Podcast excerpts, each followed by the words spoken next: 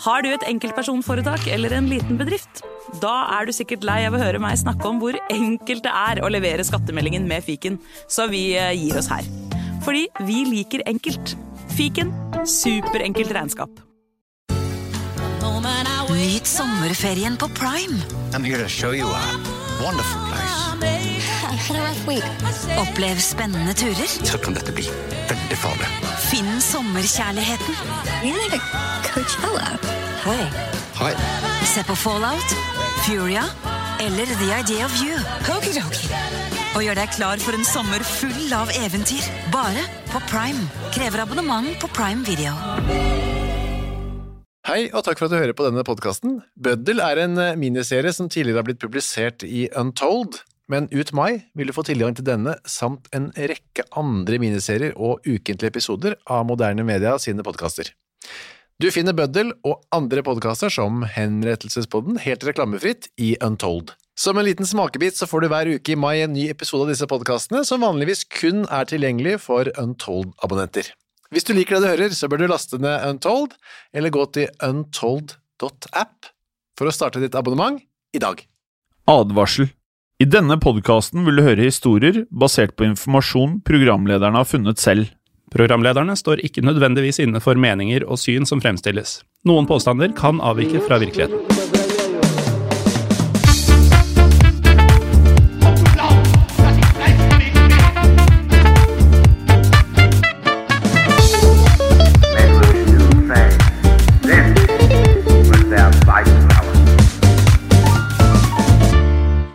Og velkommen til en ny episode av Historiepodden andre verdenskrig. Mitt navn er Morten Galaasen, og med meg i studio har jeg deg, Jim Fosheim. Ja, det stemmer, og eh, vi spilte jo for under ti minutter siden inn eh, en episode av Vanlig historiepodden. Mm, den som Også bare heter. Historiepodden. Ja. Jeg tror Når vi sier Vanlig historiepodden, så får man nesten inntrykk av at den heter Vanlig historiepodden. Men er den da- gjør jo ikke det. Nei, det er jo bare vanlig. Det er jo bare historiepodden. takk. Ja, det er helt riktig. Eh, og det, vi kan eh, også feire litt, grann, da, at vi har kommet så langt i historiepodden andre verdenskrig at vi nå er i en ny sesong. Mm. Eh, og for meg, Morten, jeg vet ikke om du føler litt det samme, jeg føler at vi nettopp startet med historie på den andre verdenskrig. jeg. Ja, og det er jo litt sant også. Det er vel drøyt halvår eller noe sånt siden vi kom i gang. Ja. Så, um, så det er jo nettopp begynt. Ja. Men um, det beste sier at du kom. Ja, For oss som har drevet mye med podkast, så er det nettopp begynt. Men Mm. for veldig mange så er jo et halvt år med podkast hver uke, manusbasert og alt dette her, det er jo ganske mye produkt. Det er det. Det er det. Eh, så vi er litt stolte, eller? Vi er jo det. Er Kommer Kommet helt til sesong to. Ja. Og um, ja, hele sesong én, vel, uh, uten unntak, ble vel spilt inn hver for oss. Og nå Ja. har vi da også kommet så langt på andre måter at vi faktisk kan sitte her sammen. ja. Og du er jo fullvaksinert, du. Ja. Jeg er halvvaksinert. Mm. Så jeg blir fullvaksinert om under en måned, eller pluss-minus en måned. Ja. Det er litt rart å si når høsten er på vei, men uh, det føles som vi går mot lysere tider. Ja, faktisk. Det er jo ikke ofte man kan si heller. Eh, det vi må i, eh, ja, i denne settingen også, i og med at det er starten på sesong to også gjøre, er jo å gi en liten takk til alle lytterne våre.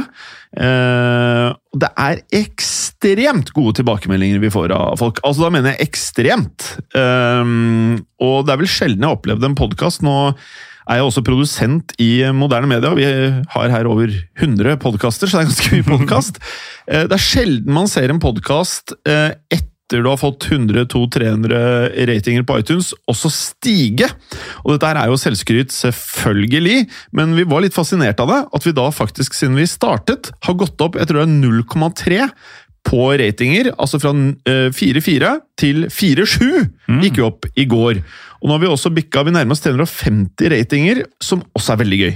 Ja, og så er det jo sånn på dette ratingsystemet at det er jo ikke terningkast eller eh, sånn videregående skolekarakterer. Toppnivået er fem. Ja, toppnivået er fem. Så vi skraper jo rett opp Ja, hvis- under taket. Men eh, hvis du som hører på ikke har uh, rata oss ennå, så går det an å skrape enda litt eh, tettere. Ja, det går an. Og for å dra snittet opp, så må du være på femstjerner og ikke fire. Da drar du jo snittet ned. Ja.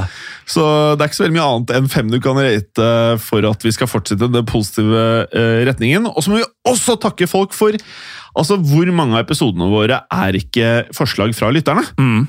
Ja, det er fryktelig mange. Ja. Og det bare renner inn eh, fortsatt. renner inn. Noen av dere har jo fått eh, oppfylt deres ønsker allerede. Eh, Flere av dere kommer til å få det i fremtiden. Ja, helt riktig. Eh, og dagens episode, Morten, det er eh, For vi har jo enorme Excel-ark hvor vi da har eh, alle, alle ideene til episodene som er i vente. Og dagens tema, det eh, er noe jeg har skrevet ned for lenge siden. Men jeg skrev det ikke til historie på den andre verdenskrig. Jeg skrev det inn i Historiepodden! Ja, Så lenge siden er det altså. Helt riktig, og det er noe jeg har gledet meg til, for dette er en ganske vanvittig greie. Eh, og så ble det videre flyttet over til historiepodden andre verdenskrig-arket vårt. Ja, og nå som vi har eh, nærmest trygla lytterne om å gi oss eh, fem stjerner, så skal vi prøve å levere noe som er verdt det, da. For i dagens episode så skal vi snakke om en høytstående nazist under krigen som het Heinrich Müller. Men som kanskje er bedre kjent under navnet Gestapo Müller. Ja, og Å bli kalt Gestapo-Müller er Det er ikke mye som er hardere enn det. Det er ikke så mye som er hardere, nei. Og hvorfor han ble kalt akkurat det, det skal vi komme tilbake til senere i denne episoden. Men før den tid så skal vi se litt på hvordan eh, Müller ble en av Det tredje rikets aller viktigste menn. Ja, Og som vi av og til gjør i denne podkasten, Morten, så starter vi ved starten. Ja, Av og til, fordi noen ganger så sier vi at vi skal starte med starten, men så går vi tilbake til før starten også. Det har skjedd eh, mer enn én en gang. Ja.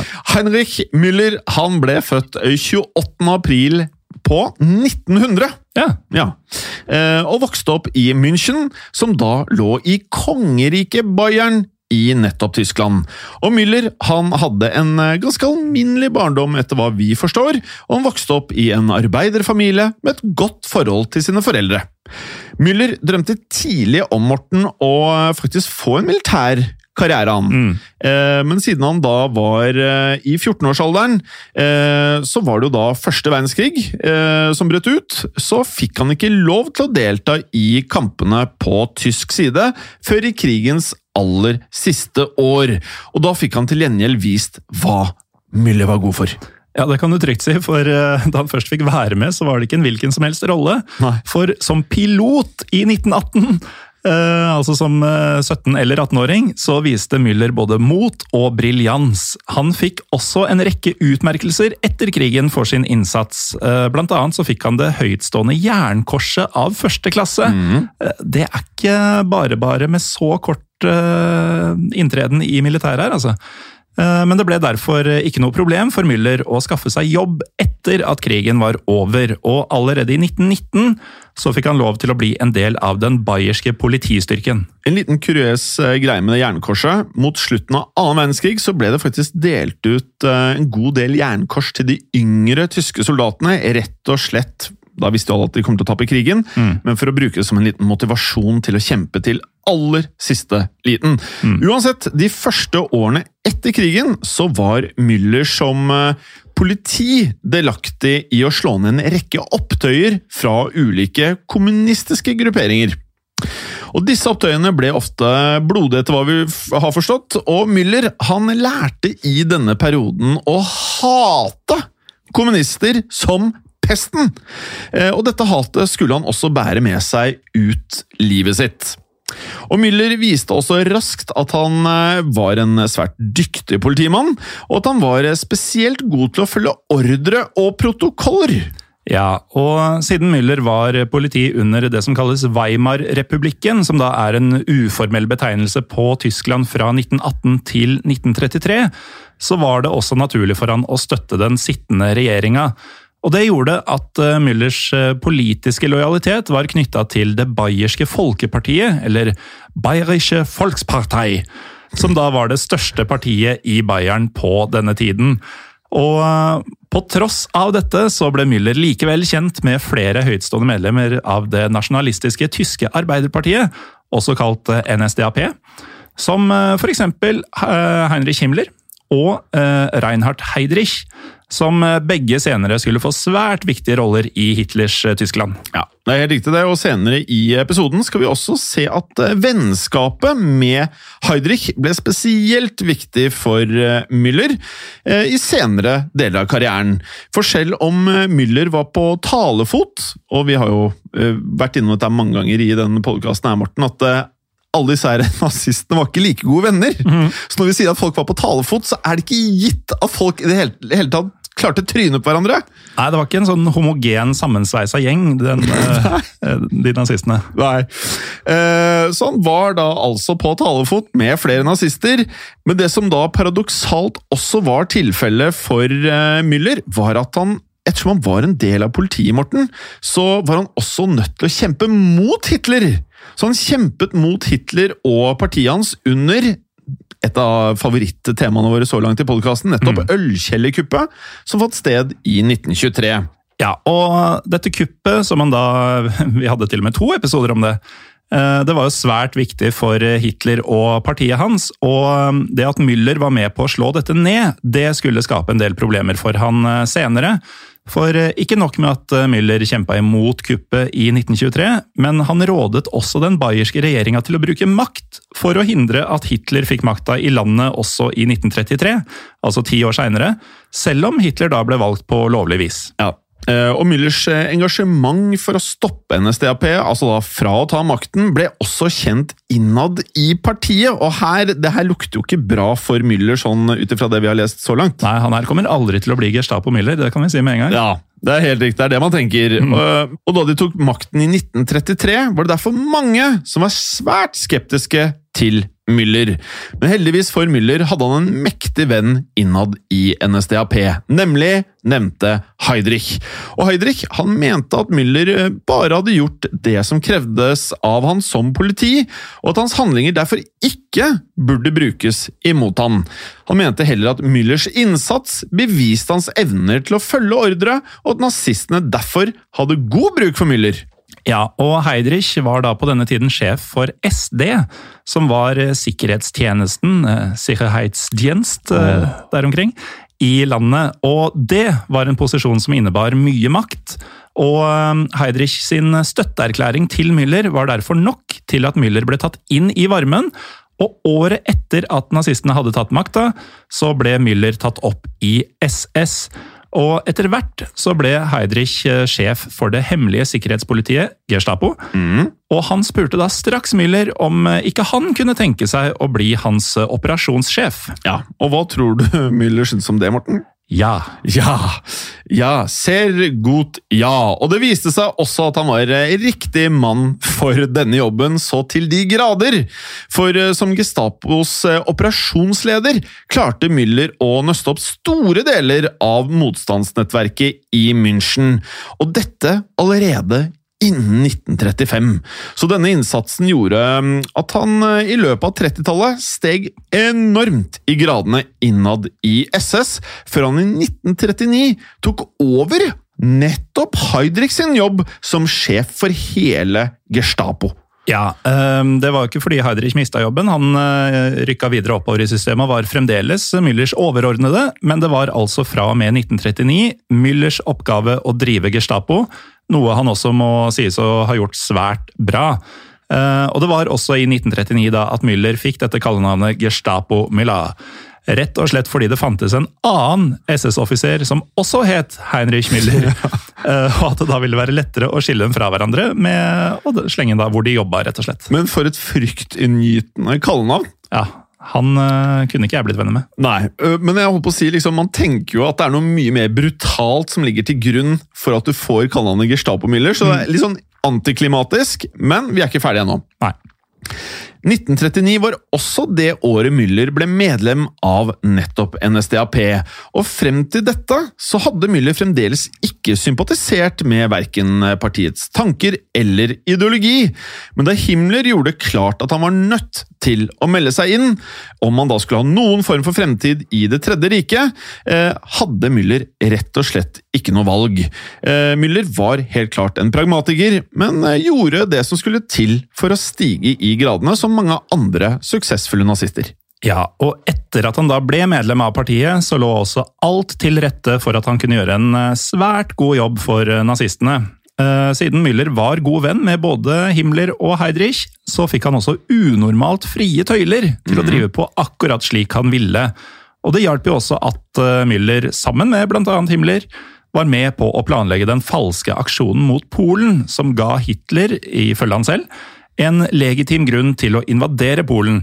Hva denne aksjonen gikk ut på, det skal vi faktisk ikke snakke om her, for det er et tema for en annen episode av Historie på den andre verdenskrig. Det er veldig riktig. Det vi imidlertid skal snakke om, er hvordan Müller bygde opp Gestapo til å bli det vi da i etter krigen har forstått som det mest fryktede tyske politiet under hele krigen. Gestapo ble grunnlagt allerede 26.4.1933, som er samme år som da Hitler tok makten, selvfølgelig.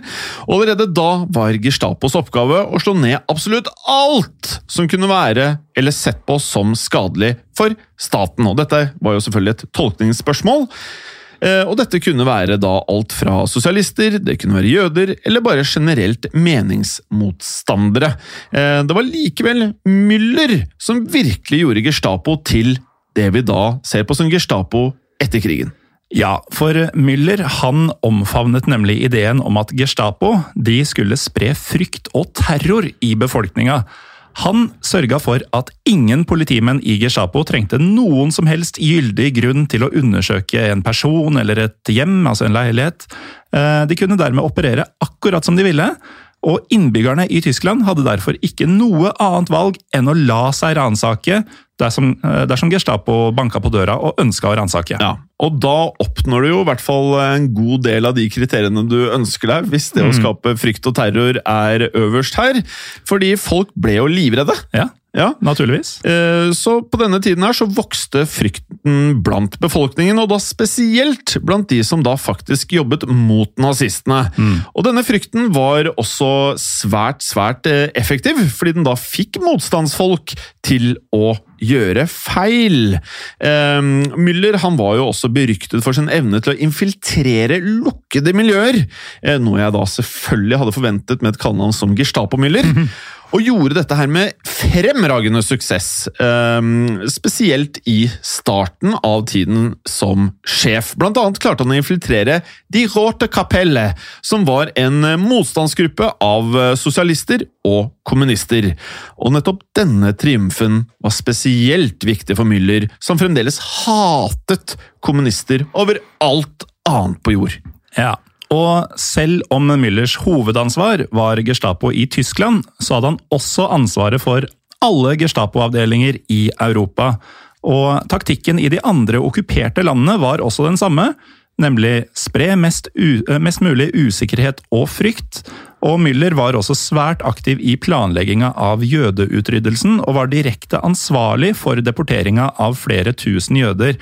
Og det er jo eh, verdt å merke seg med tanke på at han inntil nylig ikke engang hadde villet melde seg inn i partiet som sto for denne type tankegods. Eh, og det var naturlig at Müller tok eh, del i eh, planleggingen av det som kom til å bli eh, holocaust, fordi han i rang sto midt mellom Heinrich Himmler og Adolf Eichmann. Eh, og dette her er ganske store, langt mer kjente navn blant nazistene for folk flest. Ekstremt mektige. Ja, ekstremt mektige. Så nå skjønner man at Gestapo-Müller Dette her var en viktig nazist. Ja. Og Himmler, sammen med propagandaminister Josef Goebbels, var de sentrale bak utformingen av politikken mot nettopp jødene under krigen, mens Eichmann, som da var Müllers underordnede, hadde ansvaret for utformingen av det nazistene kalte den endelige løsningen. Ja, og i og med at Müller da var under Himmler, men over Eichmann i rang, så fikk han ta del i planlegginga på begge steder.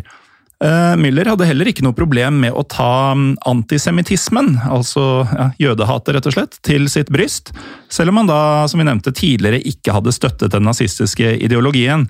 Og dette ble også svært tydelig på måten han, da gjennom toppjobben i Gestapo, hadde hovedansvaret for å gjennomføre jødeutryddelsen i Europa under krigen. Ja, og da skjønner man nå enda mer eh, hvor mye grusomheter Gestapo-Müller da faktisk sto for her. Eh, og I tillegg til eh, det du nevnte, hadde Müller også ansvaret for å sørge for at tyske kvinner ikke fikk barn med menn som han da anså som eh, en uhygienisk rase. Denne oppgaven var først og fremst knyttet til eh, polske sivile som ble vervet som arbeidere, etter at da Polen ble okkupert, selvfølgelig. Og da var det jo slik at hvis en tysk kvinne fikk barn med en av disse polske arbeiderne, var det Müllers oppgave å se til at begge partene var det de anså som ariske. Hvis ikke, så beordret Müller at mannen i forholdet skulle få spesialbehandling i gåsetegn, som da var en nazi-eufemisme for henrettelse. Ja, så vi skjønner jo da at eh, Müller var svært brutal. Og det er ingen tvil om at han hadde en høy stjerne i Det tredje riket under den første delen av krigen. I 1942 skjedde det likevel noe som gjorde at stillinga hans ble litt svakere. For dette året ble nemlig hans sjef og beskytter, Heidrich, skutt og drept av tsjekkiske soldater på oppdrag fra London. Og Heidrich sin død den eh, var noe Müller tok svært tungt, og Müller bestemte seg for å selv finne ut hvem som hadde gjennomført dette attentatet. Ja, og dermed dro Müller i all hast direkte til Praha for å undersøke saken nærmere.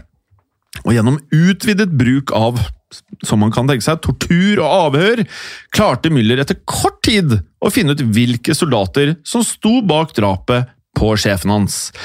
Da han så oppsøkte gjerningsmennene, valgte de å rett og slett ta selvmord før Müller fikk tak i dem.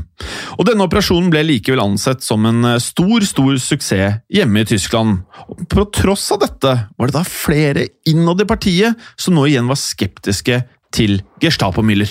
Ja, men eh, selv om skepsisen mot Müller økte blant nazistene, så hadde han jo da fremdeles mektige venner som sørga for at han beholdt stillinga si. Eh, Både Himmler og nå Hitler selv hadde tiltro til at Müller var riktig mann til jobben, og ga han derfor hele tiden nye arbeidsoppgaver og nye oppdrag. Og ett av disse nye oppdragene var å overtale Italia til å deportere deres jøder til de tyske konsentrasjonsleirene. Ja. Med andre ord så eh, måtte da eh, Müller reise til Italia. Dette gjorde han i 1943. For å da kunne gjennomføre dette oppdraget på best mulig måte. Og han visste at han kunne regne med støtten til fascistlederen Benito Mussolini, og trodde derfor at jobben skulle være grei skuring, Morten. Mm. Dette viser seg likevel å være en feil antagelse. For det fantes nemlig høytstående jøder innad i både militæret og politiet, som til slutt klarte å sørge for at Italia ikke gikk med på dette. Og dermed så måtte Müller reise tilbake til Tyskland, mer eller mindre tomhendt. Ja, og etter det så begynner det jo, og kanskje ikke overraskende etter et sånt eh, nederlag, å gå nedover for Gestapo-Müller.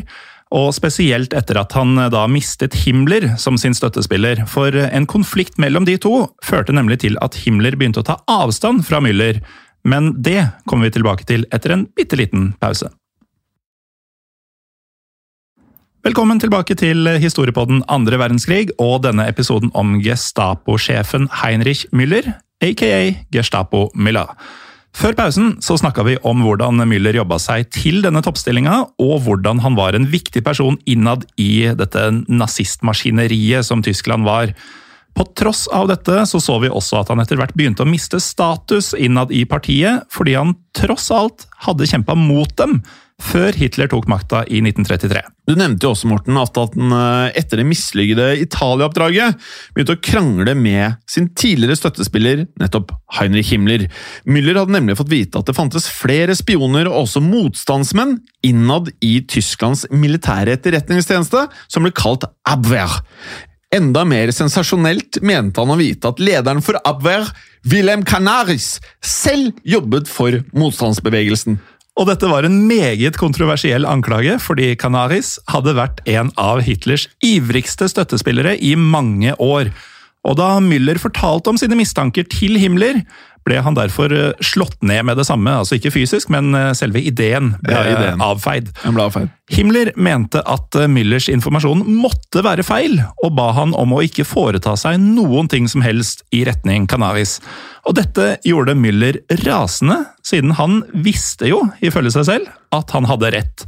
Og diskusjonen mellom disse to, altså Himmler og Müller, utvikla seg derfor til å bli en krangel, og de mistet mye av den vennskapelige kontakten etter dette.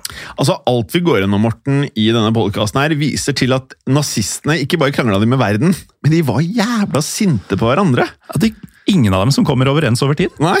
Ehm, men, men. eh, sånn var det også her, da. Eh, men dette skulle jo ikke stoppe stoppe Müller fra å gjøre sin jobb. For Gestapo-Müller han var en målretta fyr.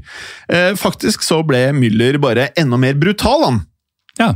Eh, og gjorde ting så effektivt han overhodet kunne.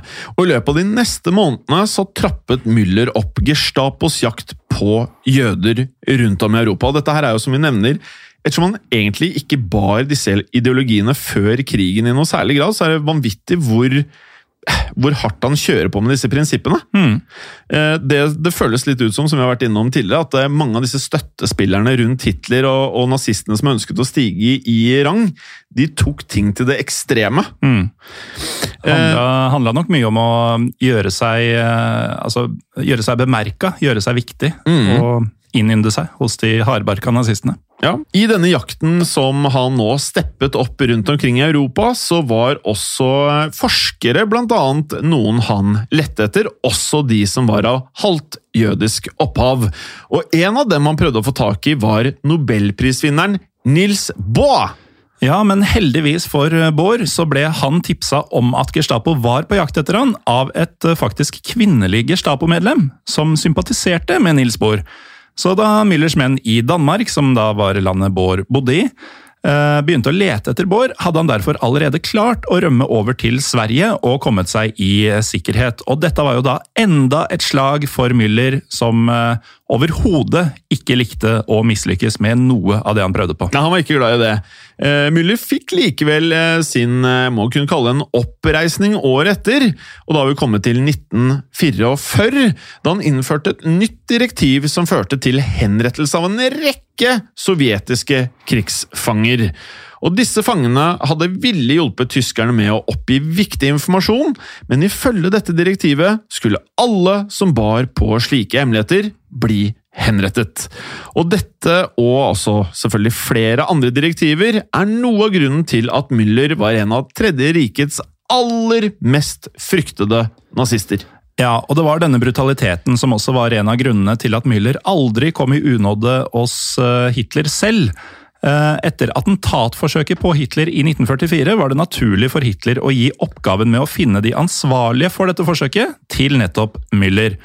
Og I løpet av denne prosessen så arresterte Müller over 5000 mennesker og henretta 200 av dem. Altså Dette er snakk om ett forsøk på å ta ett liv. 5000 mennesker arrestert, 200 henretta. Og blant de 200 som ble henrettet, så var Wilhelm Canaris. Og eh, Müller fikk da med det endelig gjennomført det Himmler hadde nekta han. Mm. Og selv om han da fikk kallenavnet sitt Morten eh, Gestapo-Müller fordi det var en annen fyr som het Müller Altså, de tingene han driver med her, dette her er eh, det er, det, det er mye av det som har skjedd vi ikke har med her også. Ja. Eh, han, er en, eh, gans, han er en gal nazist. Ja. Ja, Som veldig mange av de andre nazistene vi har blitt kjent med. Ja. Eh, Og på tross av denne seieren for eh, Müller, gikk likevel krigen på dette tidspunktet mot eh, slutten, og det ble etter hvert tydelig at Tyskland kom til å tape krigen. Og Når vi da spoler litt frem her, da vi kommet til april 1945, var Müller en av de nazistene som da faktisk oppholdt seg i denne Die Führerbunka, eh, sammen med Adolf Hitler, mens de allierte var på vei inn til Berlin. Müller var da altså sammen med selveste Adolf Hitler i timene som Hitler da antageligvis, hvis man ikke tror på konspirasjonsteorier, tok sitt eget liv. Ja, og Det var heller ikke bare Hitler som da valgte den utveien med, med selvmord, men også flere andre av hans nærmeste støttespillere, som bl.a. Josef Goebbels. Eh, For Goebbels ønsket heller ikke å bli tatt til fange av de allierte, og valgte dermed å injisere en sprøyte med det ja, svært giftige stoffet cyanid. Eh, Og det var i det hele tatt få av nazistene som ønska å overgi seg til de allierte soldatene, men noen kom seg likevel ut av bunkeren uten å miste livet. Ja, For noen av nazistene klarte også å rømme fra Tyskland før de allierte klarte å få kloa i dem. En av disse var Adolf Eichmann, som klarte å komme seg til Sør-Amerika. Så En av mange, vil jeg si. Men Morten, det var likevel en av Hitlers nærmeste som ingen klarte å redegjøre for etter krigens slutt. Og det er da denne episodens hovedperson kommer eh, i søkelyset igjen, nemlig Gestapo-Müller. Ja, for det faktum at eh, Müller aldri ble funnet etter krigens slutt, det skapte selvsagt grobunn for mange forskjellige teorier og ikke minst eh, konspirasjoner Ja. om hvor han hadde blitt av. Det eneste man visste etter Berlins fall, det var at Gestapo Müller sist hadde blitt sett den 1. mai 1945, dagen etter at Hitler hadde begått selvmord. Og et eh, øyevitne skal da ha hørt Müller si dette. Vi kjenner alle nøyaktig russernes metoder.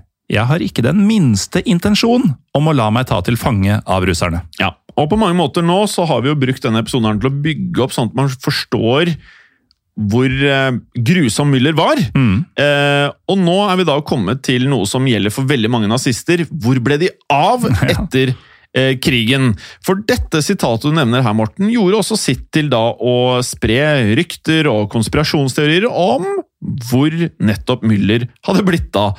Eh, noen skal ha sagt at de var helt sikre på at han da hadde blitt drept i kaoset rundt stormingen av nettopp Berlin. Eller at han da kanskje hadde tatt sitt eget liv, var det jo noen som mente, selvfølgelig. Eh, De som da trodde at dette var tilfellet, forklarte forsvinningen med at ingen hadde klart å identifisere liket hans, etter at det da ble funnet. En annen teori var at eh, Müller, da i likhet med Eichmann, hadde klart å komme seg ut av landet og over til eh, Sør-Amerika. Og det ville i så fall forklart hvorfor man aldri klarte å finne Müller i Berlin. Eh, Men den siste, og kanskje mest interessante teorien, gikk ut på at Müller, eh, som så mange andre, Jim, hadde blitt rekruttert av USA eller Sovjet. Og at de hadde gitt han en helt ny identitet, sånn at eh, Müller da kunne bruke sine evner for eh, ja, den som det eventuelt gjaldt. Og alle disse teoriene her er ikke helt eh, utenkelige, vil jeg si. Nei, Nei. Eh, Den siste teorien kan jo eh, høres mindre sannsynlig ut enn de andre, men vi vet jo tross alt i dag, og vi har gått gjennom dette flere ganger i denne podkasten, at amerikanerne faktisk der ikke bare rekrutterte, men det var stor innsats satt inn for å få tak i nazister mot krigens slutt, og også etter krigens slutt. Og nettopp da gjorde det vi nevnte her nå. De fikk nye identiteter, flyttet dem til USA og satt dem inn i nye roller. Denne teorien fikk seg likevel et slag i 2001, da USA fikk en ny lov som het Freedom of Information Act. Denne loven gjorde annet at CIA måtte frigi mappen som de da hadde på vår mann Gestapo Müller. Ja, og i denne mappa så sto det tydelig og detaljert om hvordan CIA i lengre tid hadde prøvd å finne Müller, men at de aldri hadde klart det. Og denne mappa inneholdt også en bekreftelse på at de aldri, verken under eller etter krigen, hadde visst hvor Müller befant seg, og at de derfor aldri hadde møtt han engang. Eh, Denne mappa klarte likevel ikke å overbevise folket fullstendig. Nei, på ingen måte, for det store problemet her var eh, at eh, CIA hadde masse informasjon om flere ulike menn ved navn Heinrich Müller. Ja, Og her oppstår det jo eh, et lite problem, da. For dette navnet var et av de aller vanligste i Tyskland på denne tiden, som er litt av grunnen til at det var så viktig hvorfor han nettopp ble kalt Gestapo Müller. Eh, og det var vanskelig å klargjøre hvem som var hvem, og det kan man jo også forstå. Det ble heller ikke lettere at eh, en SS-offiser også het Heinrich Müller. Så Gestapo-Müller var tross alt bare et kallenavn, og ikke Müllers offisielle navn. Dermed ekstremt problematisk å finne den riktige Heinrich Müller. Ja, men det som likevel var sikkert, var at amerikanerne etter krigen fortsatte å lete etter vår Heinrich Müller, altså Gestapo Müller. Ja, på ingen måte vår, men eh, den vi prater om. Ja, det må vi faktisk understreke. Um, De oppsøkte annet eh, Anna Schmid, som hadde vært eh, Müllers eh, elskerinne, og hjemme hos Anna så fant de ingenting som tydet på at hun i det hele tatt hadde vært i kontakt med Müller, eller da at Müller var i live. Men på tross av dette så fortsatte de å oppsøke mennesker som hadde kjent Müller under krigen, og avhørte da disse om hvor Müller kunne være. Og etter hvert som den kalde krigen begynte, så minsket naturlig nok interessen for både Müller og andre nazister som man da lette etter annen verdenskrig. Og USA hadde i dette mm, tidspunktet her mer enn nok med å forholde seg til trusselen fra Sovjetunionen. Det samme hadde jo selvfølgelig Sovjetunionen andre veien mot USA. Og de begge prioriterte dette her, som var de to store landene hvor Müller da kunne ha endt opp i. Men det vi kan legge til, at interessen for eh, forsvunnede i gåstegn eh, nazister etter krigen, den eh, fikk fart på seg igjen. Spesielt etter at Eichmann ble funnet i Argentina, som så mange andre nazister. Og da må vi spole frem til 1960. Eh, For Eichmann han hevdet nemlig i avhør at han trodde Müller fremdeles var i live. Og her blomstrer jo da denne konspirasjonsteorien opp i full blomst, mm. men at Eichmann ikke ante hvor Gestapo-Müller befant seg. Nei, og etter dette så begynte jo flere land nok en gang å lete etter uh, Gestapo-Müller. Og de søkte i Tyskland, de søkte i USA og de søkte i Sovjetunionen etter spor som da kunne føre dem til Müller. Uansett hvor mye de lette, så klarte de likevel ikke å finne noe informasjon om eh, Müllers potensielle tilholdssted. Og etter en stund så mista USA på ny interessen, og det ble vesttyske myndigheters oppgave å finne ut av Müllers eh, skjebne. Ja.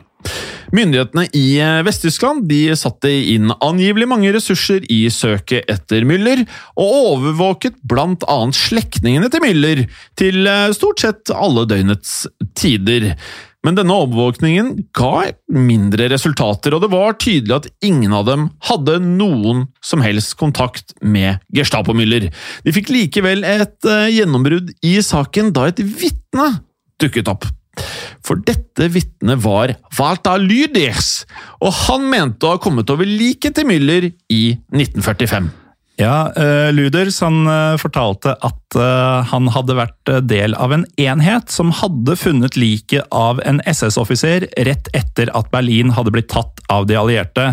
Og Lyders han eh, hevdet også at de hadde funnet Müllers papirer på denne kroppen, og at de så hadde begravd han i en massegrav.